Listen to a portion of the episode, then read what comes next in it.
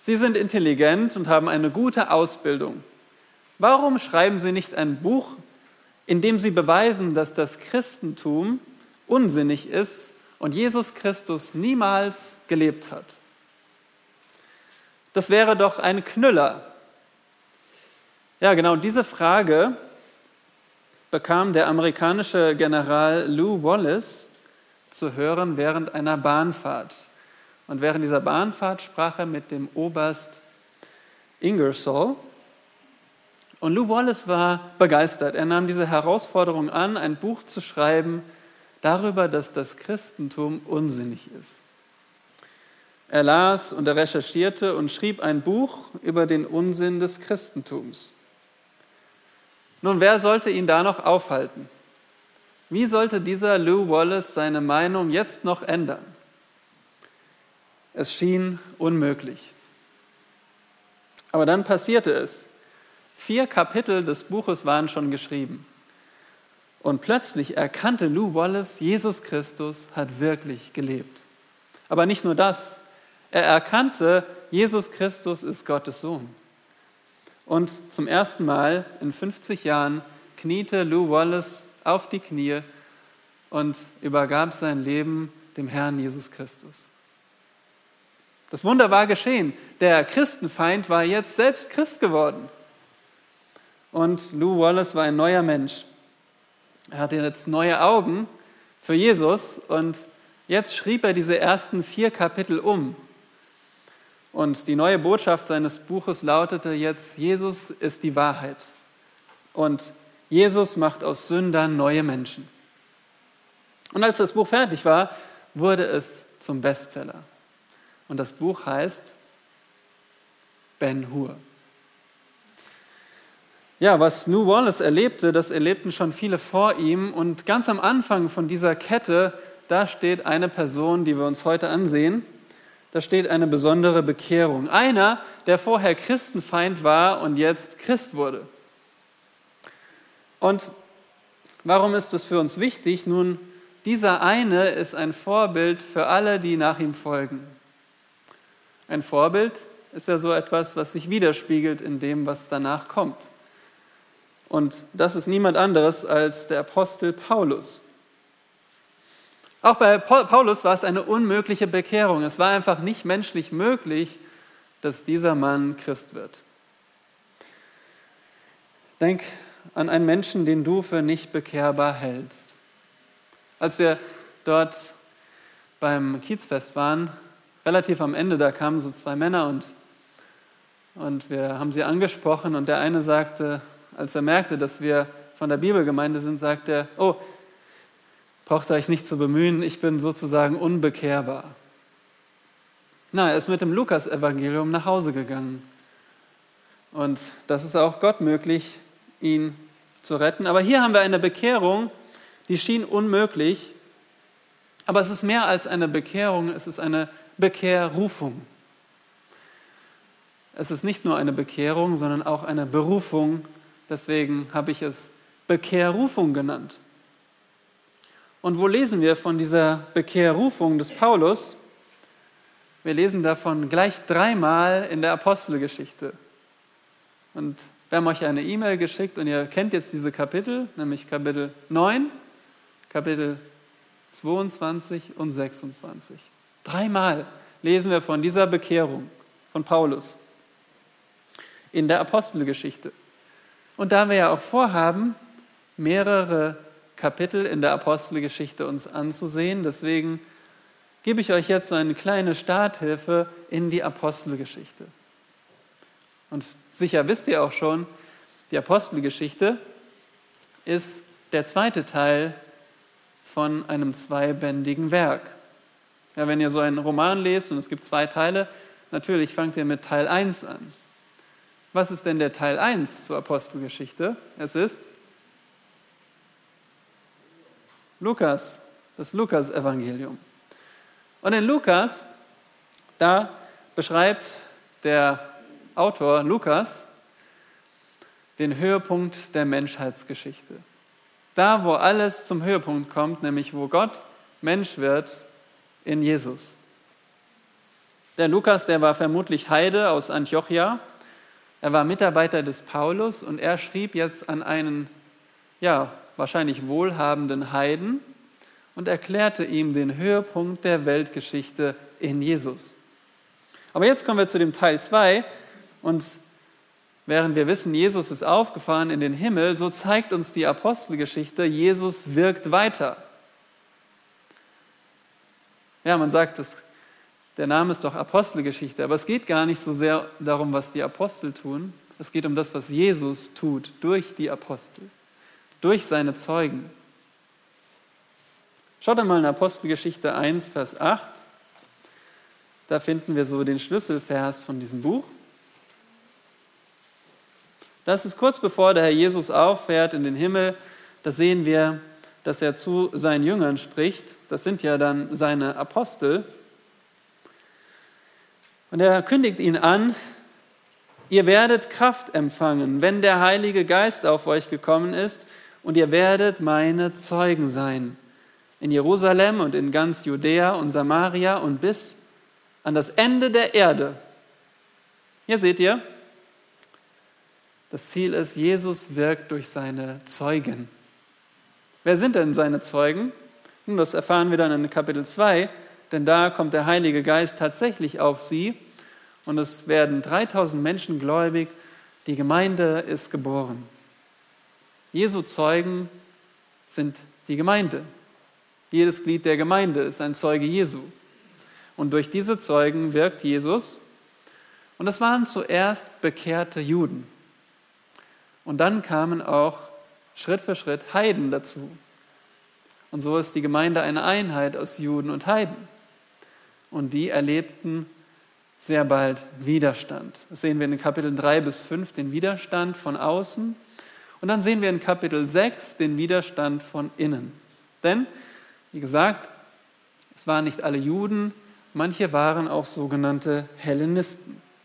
Und dieses Wort möchte ich, dass ihr es heute Nachmittag gut versteht und kennenlernt. Was sind die Hellenisten?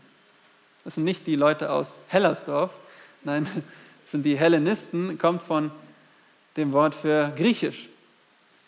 Das sind solche, die Griechisch sprachen und Sie unterschieden sich von den Juden, die eben sagten, wir bleiben beim Hebräisch. Wir kennen zwar Griechisch, aber wir bleiben beim Hebräisch. So sprachen die Hellenisten, das waren auch Juden, aber sie machten ihren Gottesdienst auf Griechisch. Und sie lebten auch mehr so diese griechische Lebensart. Und ohne dass sie sich jetzt so verfeindet waren, ist es ganz natürlich, dass sich Hebräisten und Hellenisten ein bisschen voneinander distanzieren. Ja, das kennen wir auch aus unseren Gemeinden. Da gibt es ja auch einen russischen Gottesdienst und dann einen deutschen Gottesdienst. Und allein die Sprache macht schon, dass man äh, nicht sich unbedingt persönlich distanziert, aber so, dass man doch für sich ist.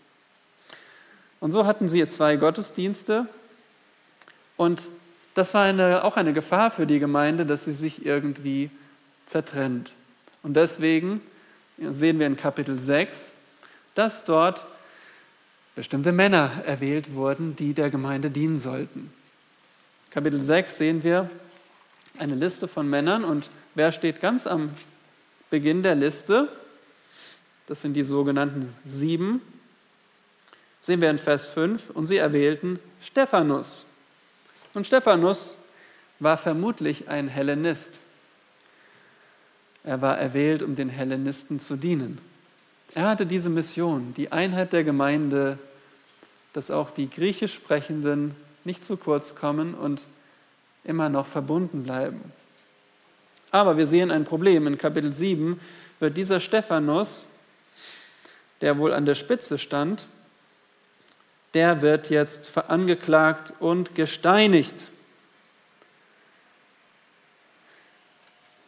Und das unterstützt von unserem Saulus. Und dann löst das eine Verfolgung aus, sehen wir Kapitel 8. Und wer führt diese Verfolgung an? Der erste Name in Kapitel 8, Vers 1, Saulus. Also dieser Saulus führt die Verfolgung an gegen die Gemeinde. Und was ist die Folge davon? Sie zerstreuen sich. Und die Gemeinde zerstreut sich. Und wir sehen, das Evangelium geht weiter raus, nämlich nach, wie es auch das der Plan war, zum Beispiel nach Samaria, wie der Herr es prophezeit hat.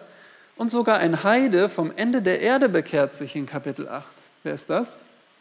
Kapitel 8, der Kämmerer aus Äthiopien. Und jetzt genau an dieser Stelle, nämlich nach Kapitel 8, in Kapitel 9, nach dieser Geschichte von dem Kämmerer, sehen wir die Bekehrung des Saulus. Und warum genau an dieser Stelle? Nun, Stephanus war tot, die Gemeinde war zerstreut und jetzt kommen wir zu Saulus. Und er ist, wie gesagt, ein Vorbild für uns. Wenn ihr aufs Gemeindeblatt schaut, ich habe es jetzt gerade nicht hier, aber auf dem, auf dem Gemeindeblatt ganz vorne seht ihr diesen Vers in 1 Timotheus 1, Vers 16. Und dieser Vers ist für uns ein Anlass, dass wir dieses Kapitel so betrachten, wie wir es betrachten. Denn da heißt es, da sagt Paulus selbst, aber darum ist mir Erbarmung widerfahren. Er meint seine Errettung. Damit an mir zuerst Jesus Christus alle Langmut erzeige, zum Vorbild für die, die künftig an ihn glauben würden, zum ewigen Leben. Also Paulus ist das Vorbild für Gottes Langmut, für Gottes Geduld, für Gottes Gnade, ihn zu retten und nach ihm viele von seiner Art. Und so kommen wir vielleicht mit verschiedenen Fragen hierher. Zum Beispiel die Frage, was ist Bekehrung? Vielleicht fragst du dich und kratzt dir den Kopf, was ist das eigentlich? Was heißt es, sich zu bekehren? Wie funktioniert das? Oder vielleicht warst du beim Jugendcamp und hast dich entschieden für Jesus Christus. Aber du fragst dich eben, ist das jetzt wirklich echt? Habe ich mich auch wirklich bekehrt? Oder du bist schon länger gläubig und du fragst dich mittlerweile, wozu habe ich das eigentlich gemacht? Wozu habe ich mich bekehrt? Und für all das haben wir heute die Antwort. Wir wollen nämlich jetzt diesen Text uns ansehen und darin zehn Merkmale einer echten Bekehrrufung finden. Und zwar damit auch du bekehrt dem Ruf Jesu folgst. Es geht nicht nur um eine Lebensänderung, sondern es geht um eine Berufung, die das ganze Leben prägt. Zehn Merkmale. Und deswegen gehen wir auch so vor, dass ich immer nur den Abschnitt lese, nicht das ganze Kapitel. Das habt ihr schon zu Hause gemacht. Und wir wollen also schrittweise hier durchgehen in zehn Merkmalen. Was ist das erste Merkmal einer echten Bekehrrufung? Das finden wir in den Versen 1 bis 2, die Wahrheit ablehnen. Der Text sagt, Saulus aber, der noch Drohung und Mord schnaubte gegen die Jünger des Herrn, ging zum hohen Priester. Und er bat sich von ihm Briefe nach Damaskus an die Synagogen in der Absicht, wenn er irgendwelche Anhänger des Weges fände, ob Männer oder Frauen, sie gebunden nach Jerusalem zu führen. Hier sehen wir Paulus vor seiner Bekehrung. Vor seiner Bekehrung lehnte er die Wahrheit von ganzem Herzen ab und er bekämpfte sie sogar. Und wisst ihr, auf diesem bösen Weg waren wir alle. Wir alle lehnten die Wahrheit ab oder tun es immer noch. Der Text beginnt mit Saulus aber. Manche von euch haben gehört vom Saulus zum Paulus. Und ihr denkt daran, ja, Saulus war er vor seiner Bekehrung und dann wurde er zum Paulus, zum Christen. Das ist aber nicht ganz richtig, denn Saulus ist sein jüdischer Name und Paulus sein griechischer Name. Und so hatten die Menschen damals drei Namen, jüdisch, griechisch und lateinisch. Nun, Paulus hieß eben Saulus, das war sein jüdischer Name, und hier wird er uns deswegen als ein Jude vorgestellt. Ja? Hier wird betont, dass er Jude war, deswegen Saulus. Und Saulus wurde geboren in Tarsus. Ja, ich habe jetzt hier, ich habe das auch euch geschickt, ich habe das hier auch vorne, klappt das jetzt nicht unbedingt hier immer auf, aber ich habe mir hier diese drei Texte ebeneinander gemacht von Apostelgeschichte 9, 22 und 26. Und da kann man dann sehen zum Beispiel, dass er in Kapitel 22 genau das sagt. Ich bin ein jüdischer Mann, geboren in Tarsus in Zilizien. Das ist da in Kleinasien. Und diese Stadt Tarsus, die war auch eine blühende Stadt und die war bekannt für, ratet mal, das Zelte machen aus Ziegenhaar. Daher hat er das. Und so war er im Judentum ausgebildet, aber nicht in Tarsus, sondern wo? In Jerusalem. Unter dem Top-Lehrer Gamaliel. Auch das sehen wir in den anderen Parallelberichten. Und Saulus brannte vor Eifer für Gott. Ja, er wollte Gott dienen, aber ohne die rettende Erkenntnis von Jesus. Und so begegnet er uns in Kapitel, Kapitel 7, Vers 58. Geht mal zu 7, Vers 58. Da sehen wir, wie Stephanus gesteinigt wird. Und da heißt es in Kapitel 7, Vers 58, und die Zeugen legten ihre Kleider zu den Füßen eines jungen Mannes nieder, der Saulus hieß. Was bedeutet das? Sie legten die Kleider bei ihm nieder.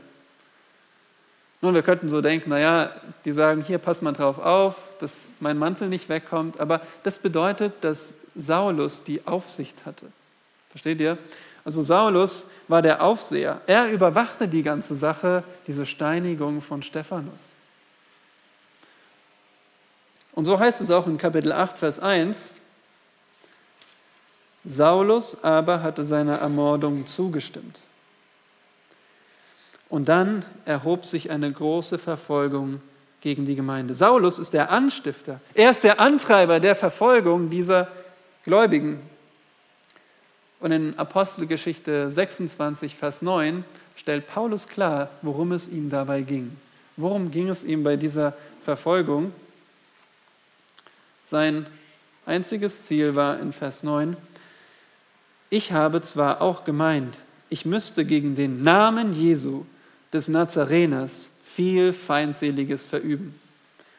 Saulus hatte ein Ziel, den Namen Jesu auszurotten. Und dabei kannte er keine Tabus. Ihr seht es in unserem Text in Kapitel 9, wo es heißt, er würde die Anhänger des Weges gebunden führen, ob Männer oder Frauen. Er kannte keine Tabus. Er hat auch die Frauen und die Kinder nicht verschont. Er ließ die Christen festnehmen und dann ins Gefängnis bringen und nach Jerusalem bringen, wo sie den Prozess bekämen. Und seine Strategie war, die Christen durch Strafen zur Lästerung zu zwingen. Das lernen wir in Kapitel 26, Vers 11. Er wollte also die Christen dazu bringen, dass sie sagen, oh nee, Jesus ist wirklich ein verfluchter Mann und dann werden sie frei. Aber er ging noch weiter. Er verfolgte sie bis auf den Tod. Er verhängte auch die Todesstrafe. Und alles diente dem Ziel, die Gemeinde Jesu auszurotten. Versteht ihr, er wollte nicht nur die Christen vertreiben aus Jerusalem, er wollte wirklich die Christen, damals hießen sie noch nicht so, er wollte sie ausrotten. Deswegen sehen wir in Kapitel 9, in den ersten Versen, dass er sich auf die Reise macht nach Damaskus. Nun, wie weit ist Damaskus? Das sind von Jerusalem 300 Kilometer. Das ist eine ganz schöne Reise, wenn man da unterwegs ist, durch Wüste zum Teil auch, nach Norden. Offensichtlich war der König da freundlich gesinnt und duldete, dass die Juden ihre eigene Sache ausübten. Und so geht der Christenverfolger Nummer eins nach Damaskus. Aber er kann es natürlich nicht allein tun und so hat er Männer bei sich. Er hat Männer bei sich und schaut einmal, wie Saulus hier beschrieben wird. Er schnaubte Drohung und Mord.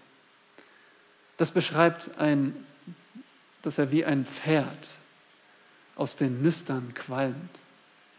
So atmet er diese, diesen Mord auf die Gläubigen aus. Das war die Luft für ihn, die er atmete. Dafür lebte er. Und damals war der Name Christ noch nicht geboren.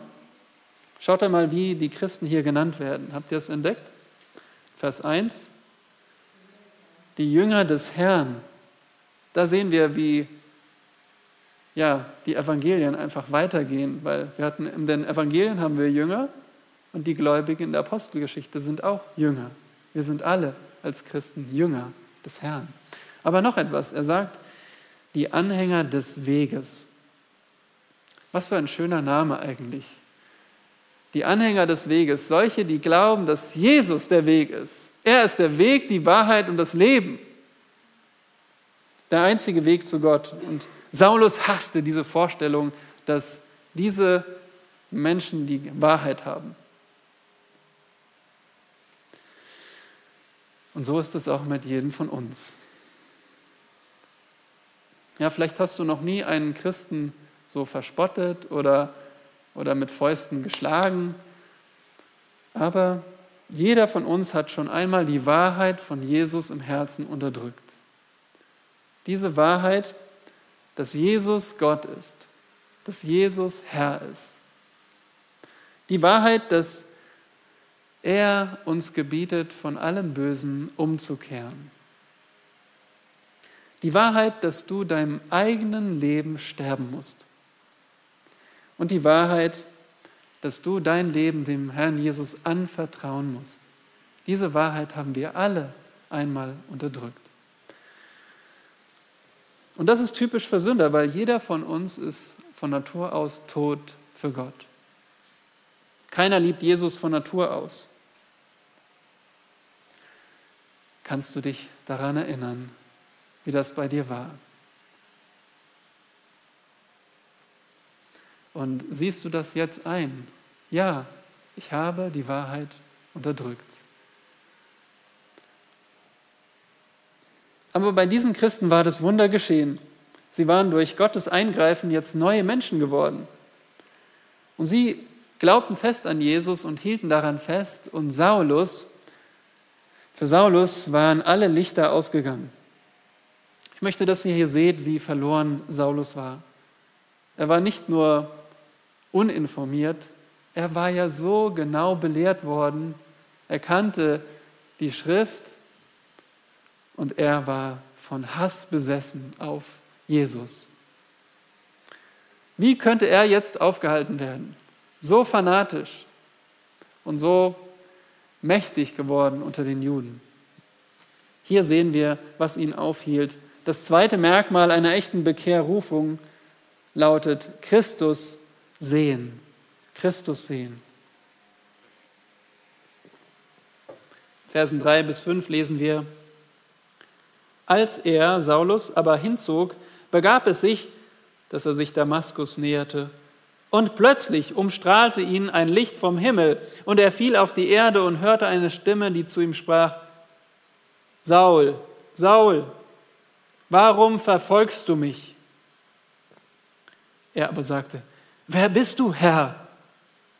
Der Herr aber sprach, ich bin Jesus, den du verfolgst. Es wird dir schwer werden, gegen den Stachel auszuschlagen. Hier auf dem Weg nach Damaskus, da geschieht das Wunder. Der geistlich blinde Saulus sieht auf einmal Jesus mit seinen eigenen Augen. Und das verändert ihn grundlegend. Achte mal darauf, was der Text uns sagt. Es ist Mittag. Ja, das haben wir auch in einem der parallelen Berichte. Das steht in Apostelgeschichte 22. Es war Mittag. Was ist am Mittag? Am Mittag ist die Sonne wo? Ganz oben. Und da, da auf dem Weg nach Damaskus ist Wüste, das heißt wahrscheinlich auch keine Wolken. Das heißt, es war ein strahlender blauer Himmel und helle Sonne. Und jetzt heißt es, ein Licht umstrahlte ihn. Noch heller als die Sonne. Das ist nichts anderes als die Herrlichkeit Gottes, die er sah. Und wen sah er? Er sah nicht nur irgendein Symbol, wie Kaiser Konstantin ein Kreuz gesehen haben sollte. Nein, es war eine Person, Jesus. Er sah Jesus persönlich. Und er sah Jesus verherrlicht. Und was passiert mit Paulus? Vers 4, er fiel auf die Erde. Ich liebe es, was, was George Whitfield dazu sagt. Er sagt, Zitat, warum fiel Saulus nur zur Erde? Warum fiel er nicht gleich in die Hölle? Er fiel nur zur Erde, denn es war nicht, um ihn zu richten, sondern um ihn zu retten. Und da redet die Stimme zu ihm, Saul, Saul, warum verfolgst du mich? Und da fragt derjenige, der jetzt auf dem Boden liegt, wer bist du, Herr? Und hier redet er ihn als Gott an. Er sagt nicht nur Sir oder Mister, wer bist du, sondern er sagt Herr. Er versteht auf einmal, wenn du die Herrlichkeit Gottes siehst, dann brauchst du nicht eine Erklärung, dass es Gott ist. Wer bist du, Herr? Er weiß, es ist Gott, aber wer ist dieser Gott? Und er kriegt die Antwort, ich bin Jesus. Jesus von Nazareth strahlt heller als die Sonne. Nun, Jesus von Nazareth war doch am Kreuz gestorben. Er war doch im Grab begraben. Jetzt weiß Saulus mit einem Mal, Jesus ist auferstanden. Er ist aufgefahren. Und damit ist klar, er ist der Sohn Gottes. Er ist aber nicht nur Gott, sondern gleichzeitig Mensch, denn es, er sagt hier, ich bin Jesus und Jesus ist ein menschlicher Name. Das heißt, er sieht den wahren Gott Menschen verherrlicht. Aber warum sagt Jesus zu Saulus, warum verfolgst du mich? Wen hat doch, wen hat denn Saulus verfolgt? Er hat doch die Gemeinde verfolgt. Warum sagt jetzt Jesus, du hast mich verfolgt? Und hier sehen wir diese so grundlegende, wichtige Wahrheit für uns. Jesus und die Gemeinde sind eins. Das ist, ja, das ist diese grundlegende Wahrheit, an der alles hängt.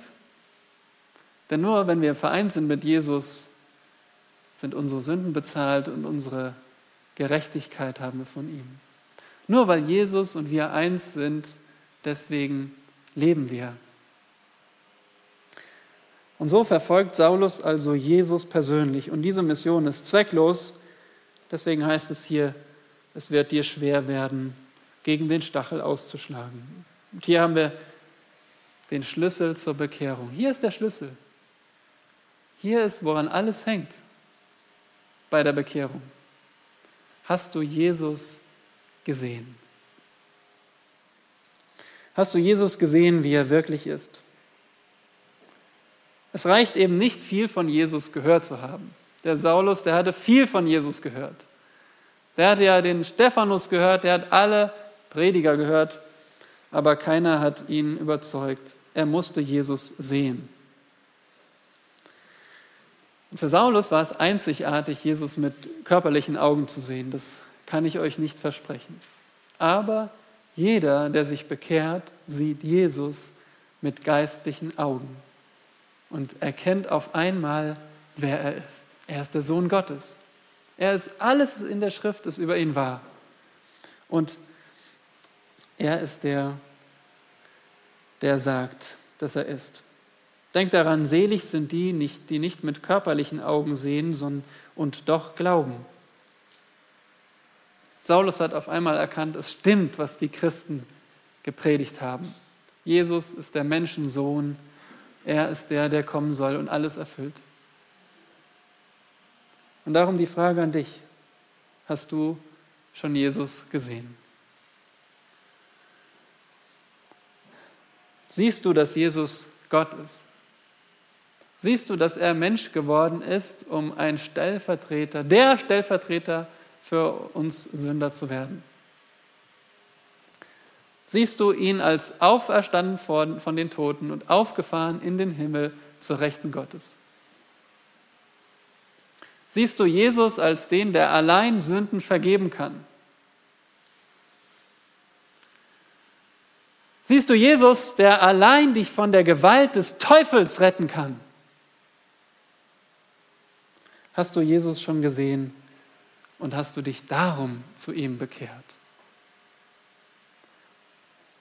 Warum sage ich das mit, solcher, mit solchem Ausdruck? Nun, weil Paulus es selbst so schreibt in 2. Korinther Kapitel 4. Er sagt doch selbst, dass das Evangelium verhüllt ist bei denen, die verloren gehen. Bei den Ungläubigen, denen der Gott dieser Weltzeit, dass der Satan, die Sinne verblendet hat, sodass ihnen das helle Licht des Evangeliums von der Herrlichkeit des Christus nicht aufleuchtet, welcher Gottes Ebenbild ist. Denn wir verkündigen nicht uns selbst, sondern Christus Jesus, dass er der Herr ist, uns selbst aber als eure Knechte um Jesu willen. Denn Gott, der dem Licht gebot, aus der Finsternis hervorzuleuchten, da am ersten Tag, am ersten Schöpfungstag, dieser Gott, er hat es auch in euren Herzen Licht werden lassen, damit wir erleuchtet werden mit der Erkenntnis der Herrlichkeit Gottes im Angesicht Jesu Christi.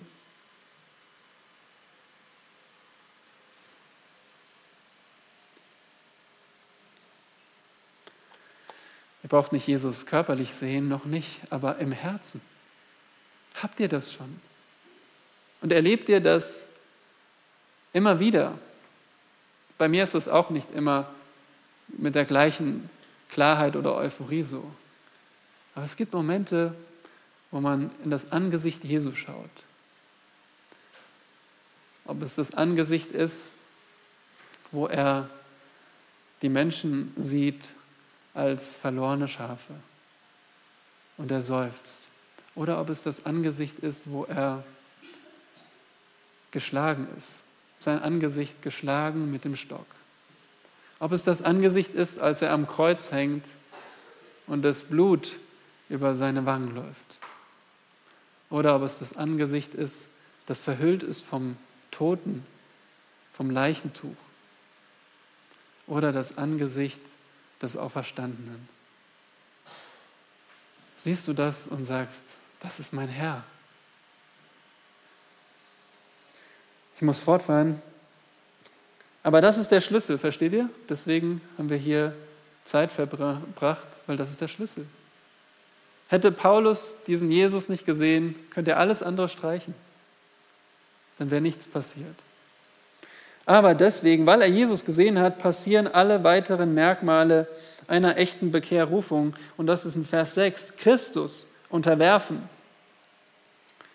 Dort heißt es von Paulus, da sprach er mit Zittern und Schrecken, Herr, was willst du, dass ich tun soll? Und der Herr antwortete ihm, steh auf und geh in die Stadt hinein, so wird man dir sagen, was du tun sollst. Saulus sieht also ganz klar, wer Jesus ist und er reagiert jetzt auf eine ganz richtige Weise. Er unterwirft sich Jesu, Jesus mit seinem ganzen Willen. Für ihn gibt es keinen Zweifel, Jesus ist Gott. Und Saulus stellt auch keine Bedingungen und sagt, okay Herr, aber jetzt möchte ich dich bitten, dass du nicht das mit mir tust und dass du jetzt mich davon mal ausnimmst. Nein, er stellt keine Bedingungen, keine Ausnahmen. Seine Christenverfolgung hat er schlagartig aufgegeben. Mit einem Mal ist die ganze Mission ausradiert. Er lebt jetzt nicht mehr nach seinem eigenen Willen. Jetzt zählt nur noch, wie es hier heißt, was willst du, Herr? Und der Herr gebietet ihm erstmal nur den nächsten Schritt. Der Herr sagt nicht, okay, was jetzt passieren wird, du wirst jetzt in den nächsten Monaten das tun, dann im nächsten Jahr das und dein ganzes Leben wird so und so verlaufen. Nein, er sagt, der nächste Schritt. Steh auf, geh nach Damaskus und warte. Wie ernst meint Saulus es, sich dem Herrn zu unterwerfen? Das ist die Frage. Weil das beweist, dass er Jesus gesehen hat. Hast du dich dem Herrn Jesus unterworfen? Das errettet dich nicht, aber das zeigt, dass du bekehrt bist. Wenn du sagst, nicht mehr mein Wille, sondern dein Wille. Weil unser Wille ist nicht eine Haaresbreite schwächer als der von Paulus. Wenn wir nicht wollen, dann wird uns kein Mensch beugen. Christus muss deinen Stolz zerschlagen, auf dass du dich willig unter ihn beugst. Und vielleicht bist du jetzt wieder überführt, dass du eigentlich gerade so lebst, wie du willst und nicht wie der Herr. Und dann können wir auch als bekehrte Christen wieder zurückkehren zu dem, dass wir sagen, ach Herr, ich war wieder auf Irrwegen, aber ich will nach deinem Willen leben. Du kannst neu diesen Entschluss fassen. Das ist nicht eine neue Bekehrung. Das ist einfach ganz natürlich für ein Kind Gottes zu sagen, ich ordne mich dir wieder Herr unter. Was ist das vierte Merkmal einer echten Bekehrrufung? Wir finden es in Versen 7 bis 9, Sünde realisieren. In Vers 7 lesen wir, die Männer aber, die mit ihm reisten, standen sprachlos da, denn sie hörten zwar die Stimme, sahen aber niemand. Da stand Saulus von der Erde auf, doch obgleich seine Augen geöffnet waren, sah er niemand. Sie leiteten ihn aber an der Hand und führten ihn nach Damaskus. Und er konnte drei Tage lang nicht sehen und aß nicht und trank nicht. Und Jesus ist der Retter für Sünder. Und deswegen, wer sich bekehrt, muss verstehen, realisieren, dass er ein Sünder ist. Und diese Sünde, die musste auch Saulus nachempfinden. Realisieren heißt so viel wie nachempfinden, begreifen, erkennen. Und für Saulus waren es drei schwere Tage. Also, hat Saulus gehorcht? Ja, denn Paulus oder Saulus stand von der Erde auf in Vers 8 und brauchte jetzt auf einmal Hilfe, denn er sah nichts mehr, steht hier. Er brauchte die Hilfe seiner Mitreisenden und die waren genauso sprachlos, weil sie hatten zwar ein Geräusch gehört, aber keine klaren Worte verstanden. Sie hatten zwar irgendwas gesehen, ein Licht, aber der Herr war für ihn unsichtbar. Und so geht es auch vielen Leuten in der Gemeinde. Für die ist, wenn ich jetzt hier predige, ist so wie ein Geräusch, so aber es ist für, nicht, für sie nicht klar. Und wenn wir hier davon sprechen, du musst Christus sehen, dann stellen sie sich vielleicht ein Bild von der Kinderstunde vor, von Jesus, aber es ist nicht klar für sie, diese überwältigende Macht von Jesus Christus. Und so das kann nur der Heilige Geist ändern. Deswegen betet Paulus so häufig um Erleuchtung. Versteht ihr das? Er steht, der Herr erleuchte euren Sinn. Warum? Weil das so grundlegend ist. Das kann keiner von uns selbst machen.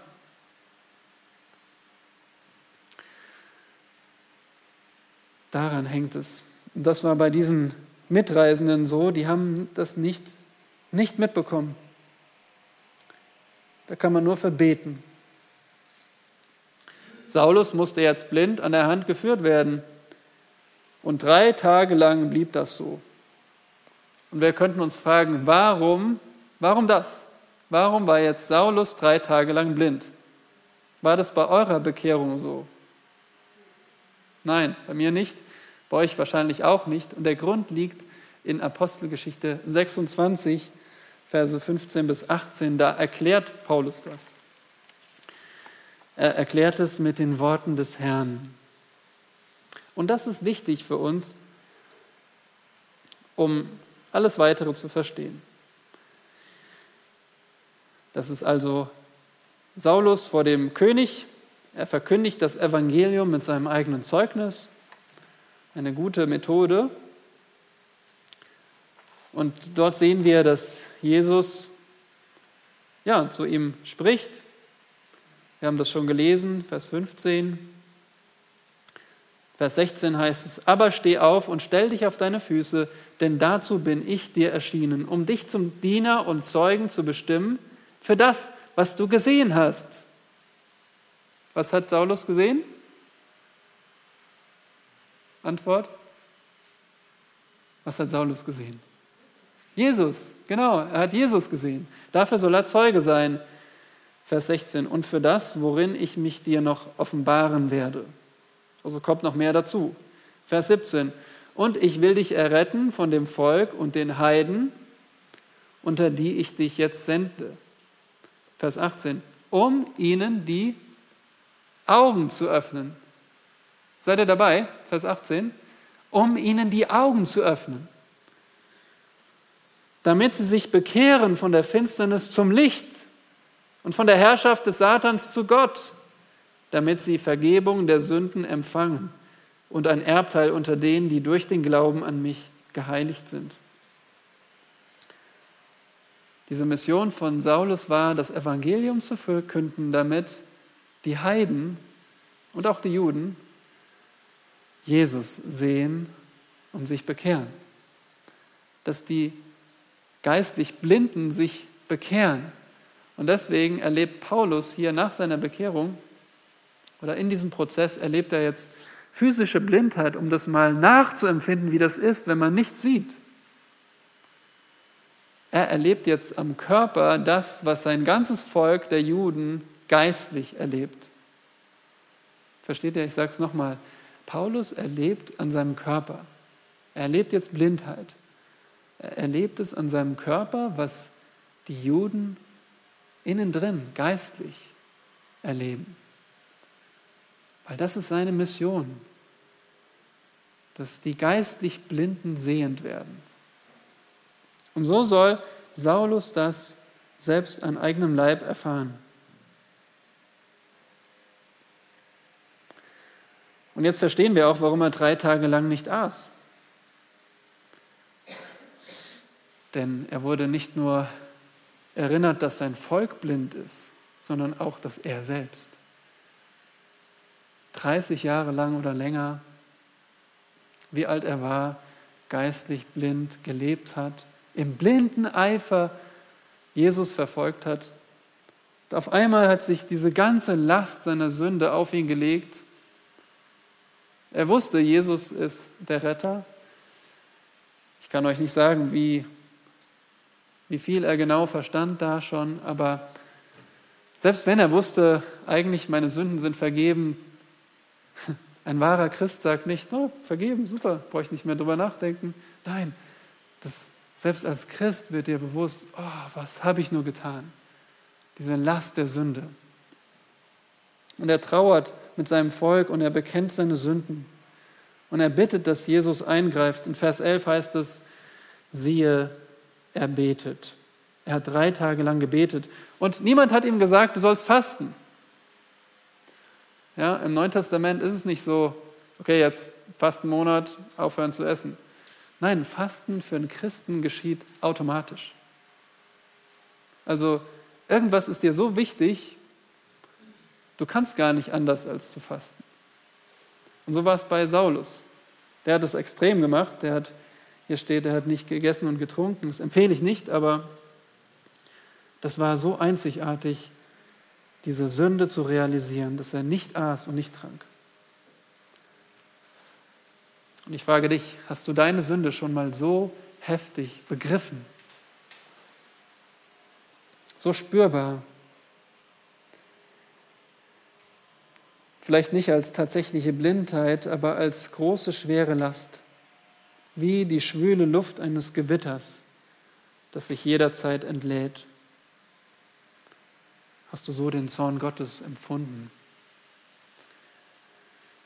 Das hat Paulus dieser Zeit empfunden. Und, und jetzt kommen wir zu der schönen Nachricht, dem fünften Merkmal einer echten Bekehrrufung, nämlich Bestätigung empfangen. Jetzt empfing er Bestätigung in Versen 10 bis 17. Dort heißt es, es war aber in Damaskus ein Jünger namens Ananias. Zu diesem sprach der Herr in einem Gesicht, Ananias. Er sprach, hier bin ich, Herr. Der Herr sprach zu ihm, steh auf und geh in die Gasse, die man die gerade nennt, und frage im Haus des Judas nach einem Mann namens Saulus von Tarsus. Denn siehe, er betet. Und er hat in einem Gesicht einen Mann namens Ananias gesehen, der hereinkam, um, um ihn die Hand und ihm die Hand auflegte, damit er wieder sehend werde.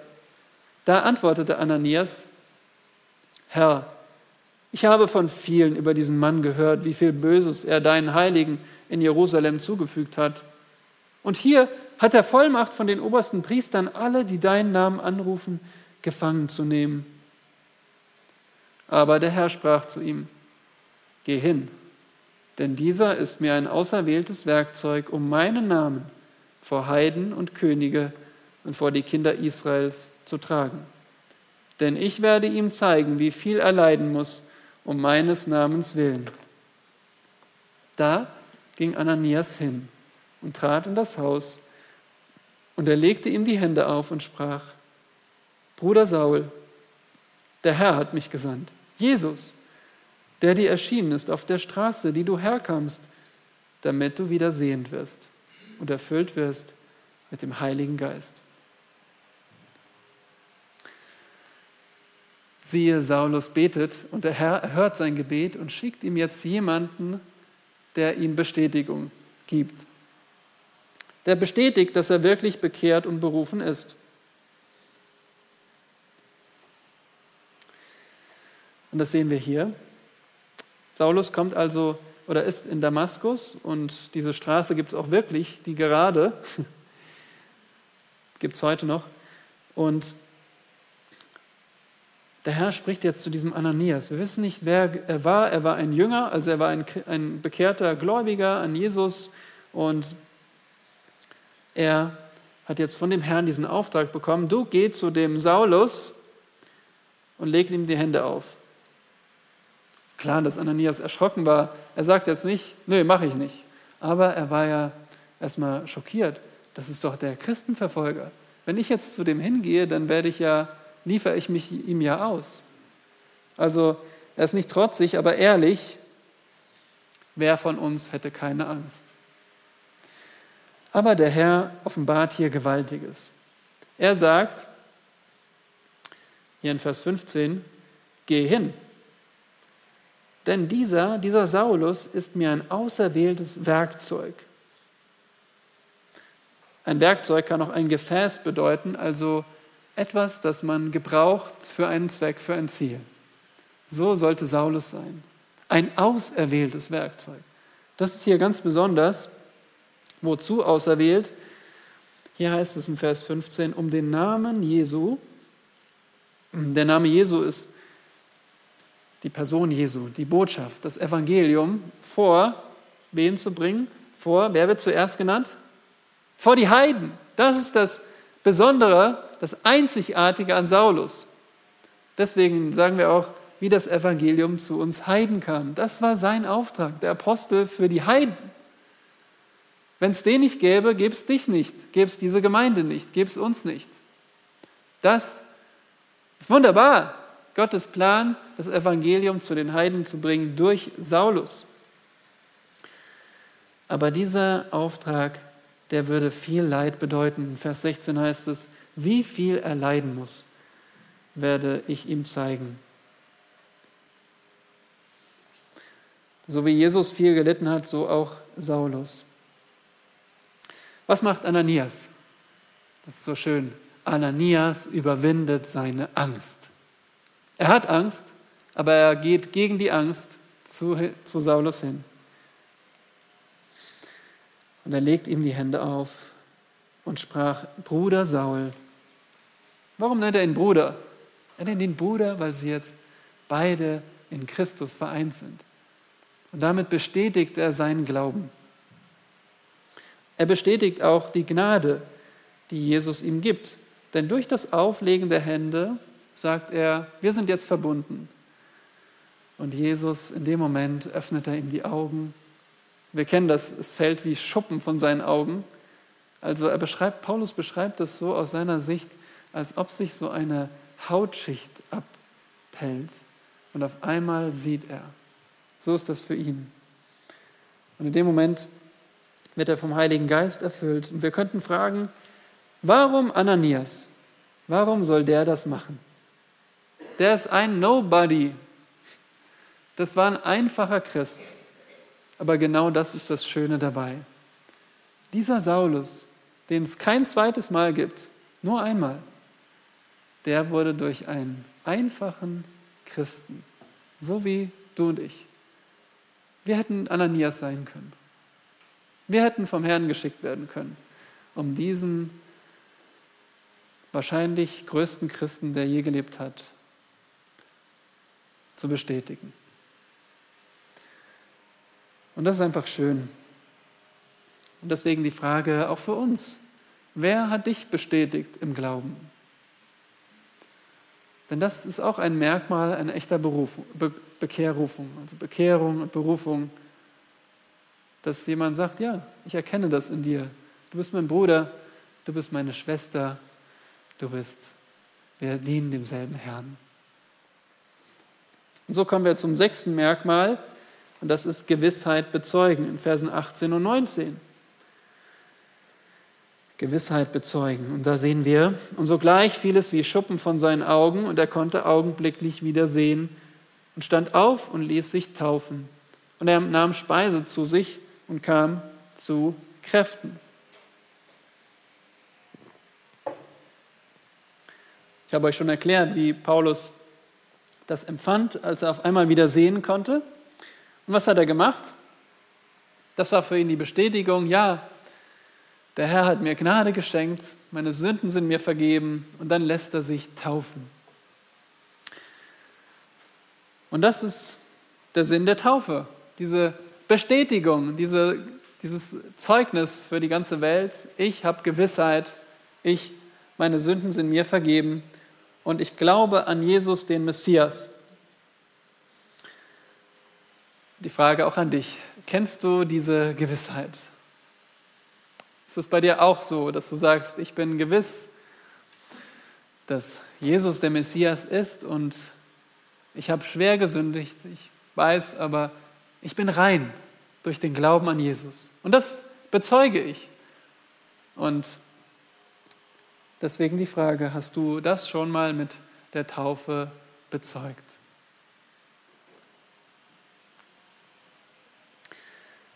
Was ist das siebte Merkmal einer echten Bekehrrufung? Wir sehen es in Versen 20 bis 22. Christus verkündigen.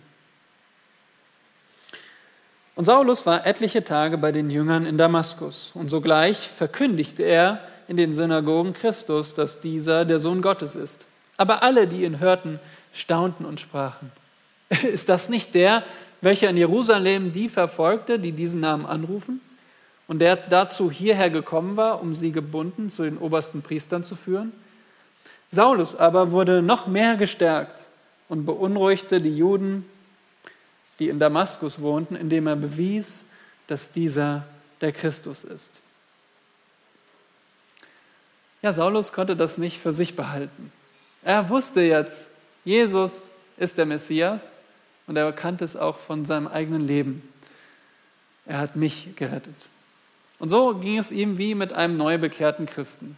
Der kann gar nicht anders, als das für sich zu behalten.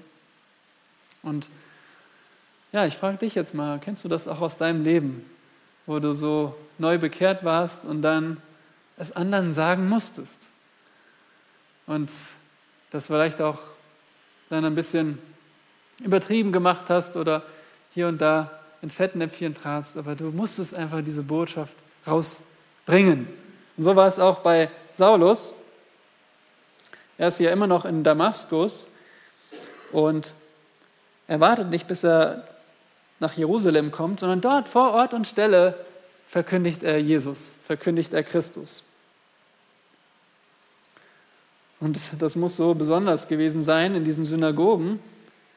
Vielleicht wurde da angekündigt, heute redet Saulus, der Christenverfolger, und ach, bestimmt wird der jetzt hier auseinandernehmen, was die Christen glauben. Er wird zeigen, dass Jesus von Nazareth ein Verfluchter war. Da kommt Saulus nach vorne, schlägt das Alte Testament auf und zeigt, hier seht ihr und da und dort seht ihr, dass dieser Jesus wirklich der Messias war und er ist der Sohn Gottes und du musst umkehren zu ihm, Jude, tur Buße. Und die, denen sind wahrscheinlich reihenweise die Gesichtszüge entgleist. Sie haben vielleicht gefragt, ist das ein Doppelgänger? Nein, es ist Saulus wirklich. Dieser Saulus war so wie ein neubekehrter Christ, der Christus verkündigen musste.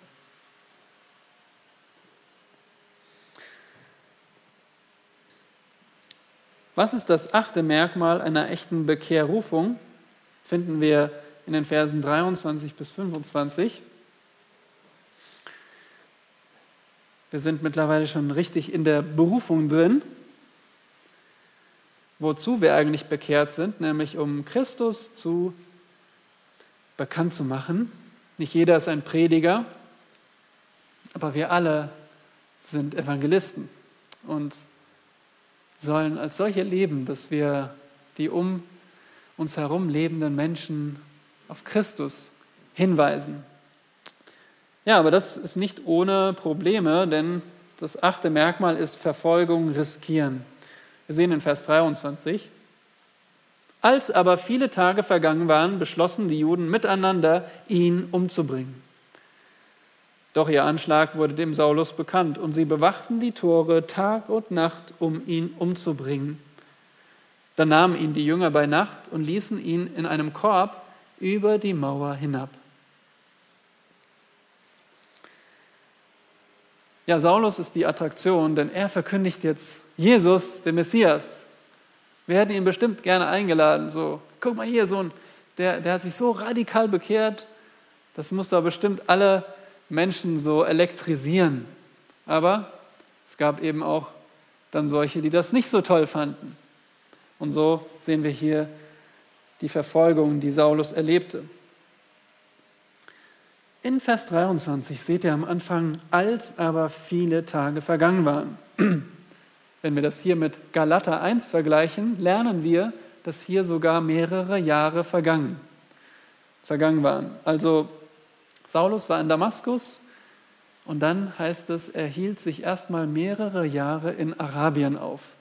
Dazu gehört auch Damaskus in der damaligen Zeit bis runter zur Sinai-Halbinsel. In diesem Bereich irgendwo war Saulus mehrere Jahre und jetzt, in Vers 23, kommt er wieder zurück nach Damaskus. Das ist nicht, seine, das ist nicht bei dem ersten Besuch, sondern ein paar Jahre später, wieder in Damaskus. Mittlerweile war er bekannt und die Juden wollten ihn umbringen. Sie machen das clever, denn die Tore werden verschlossen. Also die Juden hatten wohl Einfluss hier auf den König. Die Zugänge wurden bewacht, kein Entkommen. Aber Saulus will nicht den Märtyrertod. Jetzt hätte er leicht sagen können, ich sterbe jetzt für Jesus. Nein, er hat es nicht so gemacht, sondern er hat es als den Auftrag gesehen, auch dem zu entkommen hat eingewilligt. Und so wurde er bei Nacht an der Stadtmauer herabgelassen, in einem Korb. Und so entging er den Anschlägen. Und weil er unser Vorbild ist, fragen auch wir uns, wie viel Verfolgung sind wir bereit zu riskieren? Jesus sagt in Johannes 15, die Menschen haben mich gehasst, die werden auch euch hassen. Und in 2. Timotheus Kapitel 3 ist es, wo Paulus sagt, alle aber, die gottesfürchtig leben wollen, werden verfolgt werden. Das ist eine Verheißung. Und deswegen ist die Frage, als auch als bekehrter Christ, wie viel bist du bereit zu riskieren?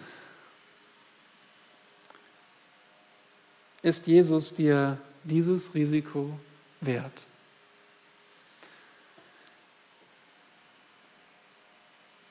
Für Paulus war es keine Frage. Er hatte Christus gesehen. Er hatte die Vision gehabt vom Ende, wo Jesus Juden und Heiden vereint in die Herrlichkeit führt. Und das hat ihn motiviert. Auch jedes Risiko anzunehmen, aber nicht kopflos, ist auch schön. Er rennt nicht hinein, so Hauptsache, ich werde geschlagen. Nein, hier entflieht er und er kommt nach Jerusalem. Und hier sehen wir das neunte Merkmal einer echten Bekehrrufung der Gemeinde anschließen. Vers 26. Als nun Saulus nach Jerusalem kam, versuchte er sich den Jüngern anzuschließen, aber sie fürchteten ihn alle, weil sie nicht glaubten, dass er ein Jünger sei. Barnabas aber nahm ihn auf führte ihn zu den Aposteln und erzählte ihnen, wie er auf dem Weg den Herrn gesehen und dass dieser zu ihm geredet habe und wie er in Damaskus freimütig in dem Namen Jesu verkündigt habe. Hier sehen wir Saulus. Jetzt will er zum ersten Mal nach Jerusalem, dort wo die Mutter der Gemeinde ist, dort wo die Apostel geblieben sind, trotz Verfolgung. Und er will sich den Jüngern anschließen. Also er will zur Gemeinde gehören. Das ist schön. Das, daran sehen wir, ein echter bekehrter Christ, den drängt es dazu, ich will unter den Gläubigen sein. Ich will zur Gemeinde gehören. Wir sehen hier, er will nicht nur mal zu Besuch sein, sondern er will sich ihnen anschließen. Aber das Problem ist, die glauben ihm nicht. Die vermuten wahrscheinlich irgendeine krumme Masche. Und wir können es auch uns vorstellen. Stellt euch vor, also Adolf Hitler wird Christ und verfolgt eigentlich die Christen. Und jetzt kommt er hierher und sagt, ich habe mich bekehrt, äh, nehmt mich auf. Ja, das wäre schon, kostet schon Überwindung. Vor allem, wenn man daran denkt, wenn der jetzt nicht echt ist, dann wird er unsere Wohnorte rauskriegen, wird er rauskriegen unsere Kinder, Frauen, stehen alle auf dem Spiel. Und so sehen wir hier, die Christen sind auch nur Menschen, die glauben ihm nicht. Aber einer, nämlich der Barnabas, Wisst ihr, was Barnabas bedeutet? Also steckt das Wort Sohn drin, Sohn des Trostes. Er ist dieser, dieser Mann, der, der nicht sagt, hey, du bist willkommen, ja klar, wir glauben dir. Nein, schaut mal, hier steht, Barnabas aber nahm ihn auf. Also das bedeutet, Barnabas hat erstmal auf ihn gehört. Barnabas hat sich bereit erklärt, mit ihm zu treffen und hat ihn kennengelernt und er wird überzeugt von dem Zeugnis von Saulus. Und Barnabas führt ihn zu den Aposteln und Barnabas erzählt ihnen, den Aposteln, das Zeugnis von Saulus. Interessant. Also nicht Saulus erzählt es, sondern Barnabas spricht für den Saulus. Es war eine so klare Bekehrung, dass Barnabas überzeugt war und er konnte es jetzt selbst für diesen Saulus eintreten. Es war offensichtlich. Ja, und die Frage ist an euch, ich spreche vor allem zu dem Chor, wie ist es bei euch, nachdem ihr euch bekehrt habt? Habt ihr euch einer Gemeinde angeschlossen? Fest angeschlossen, so wie auch Saulus, so muss es auch bei uns sein, in diesem Verlangen zur Gemeinde Jesu zu gehören. Und schließlich, was ist das zehnte Merkmal einer echten Bekehrrufung? Das zehnte und letzte Merkmal ist die Mission ausführen. Mission ausführen. Damit endet dieser Bericht über die Bekehrung von Saulus. Vers 28. Und er, ging in Jerusalem mit ihnen aus und ein und verkündigte freimütig im Namen des Herrn Jesus. Er redete und stritt auch mit den Hellenisten. Sie aber machten sich daran, ihn umzubringen. Als das aber die Brüder erfuhren, brachten sie ihn nach Caesarea und schickten ihn nach Tarsus. So hatten nun die Gemeinden Frieden in ganz Judäa und Galiläa und Samaria und wurden auferbaut und wandelten in der Furcht des Herrn und wuchsen durch den Beistand des Heiligen Geistes.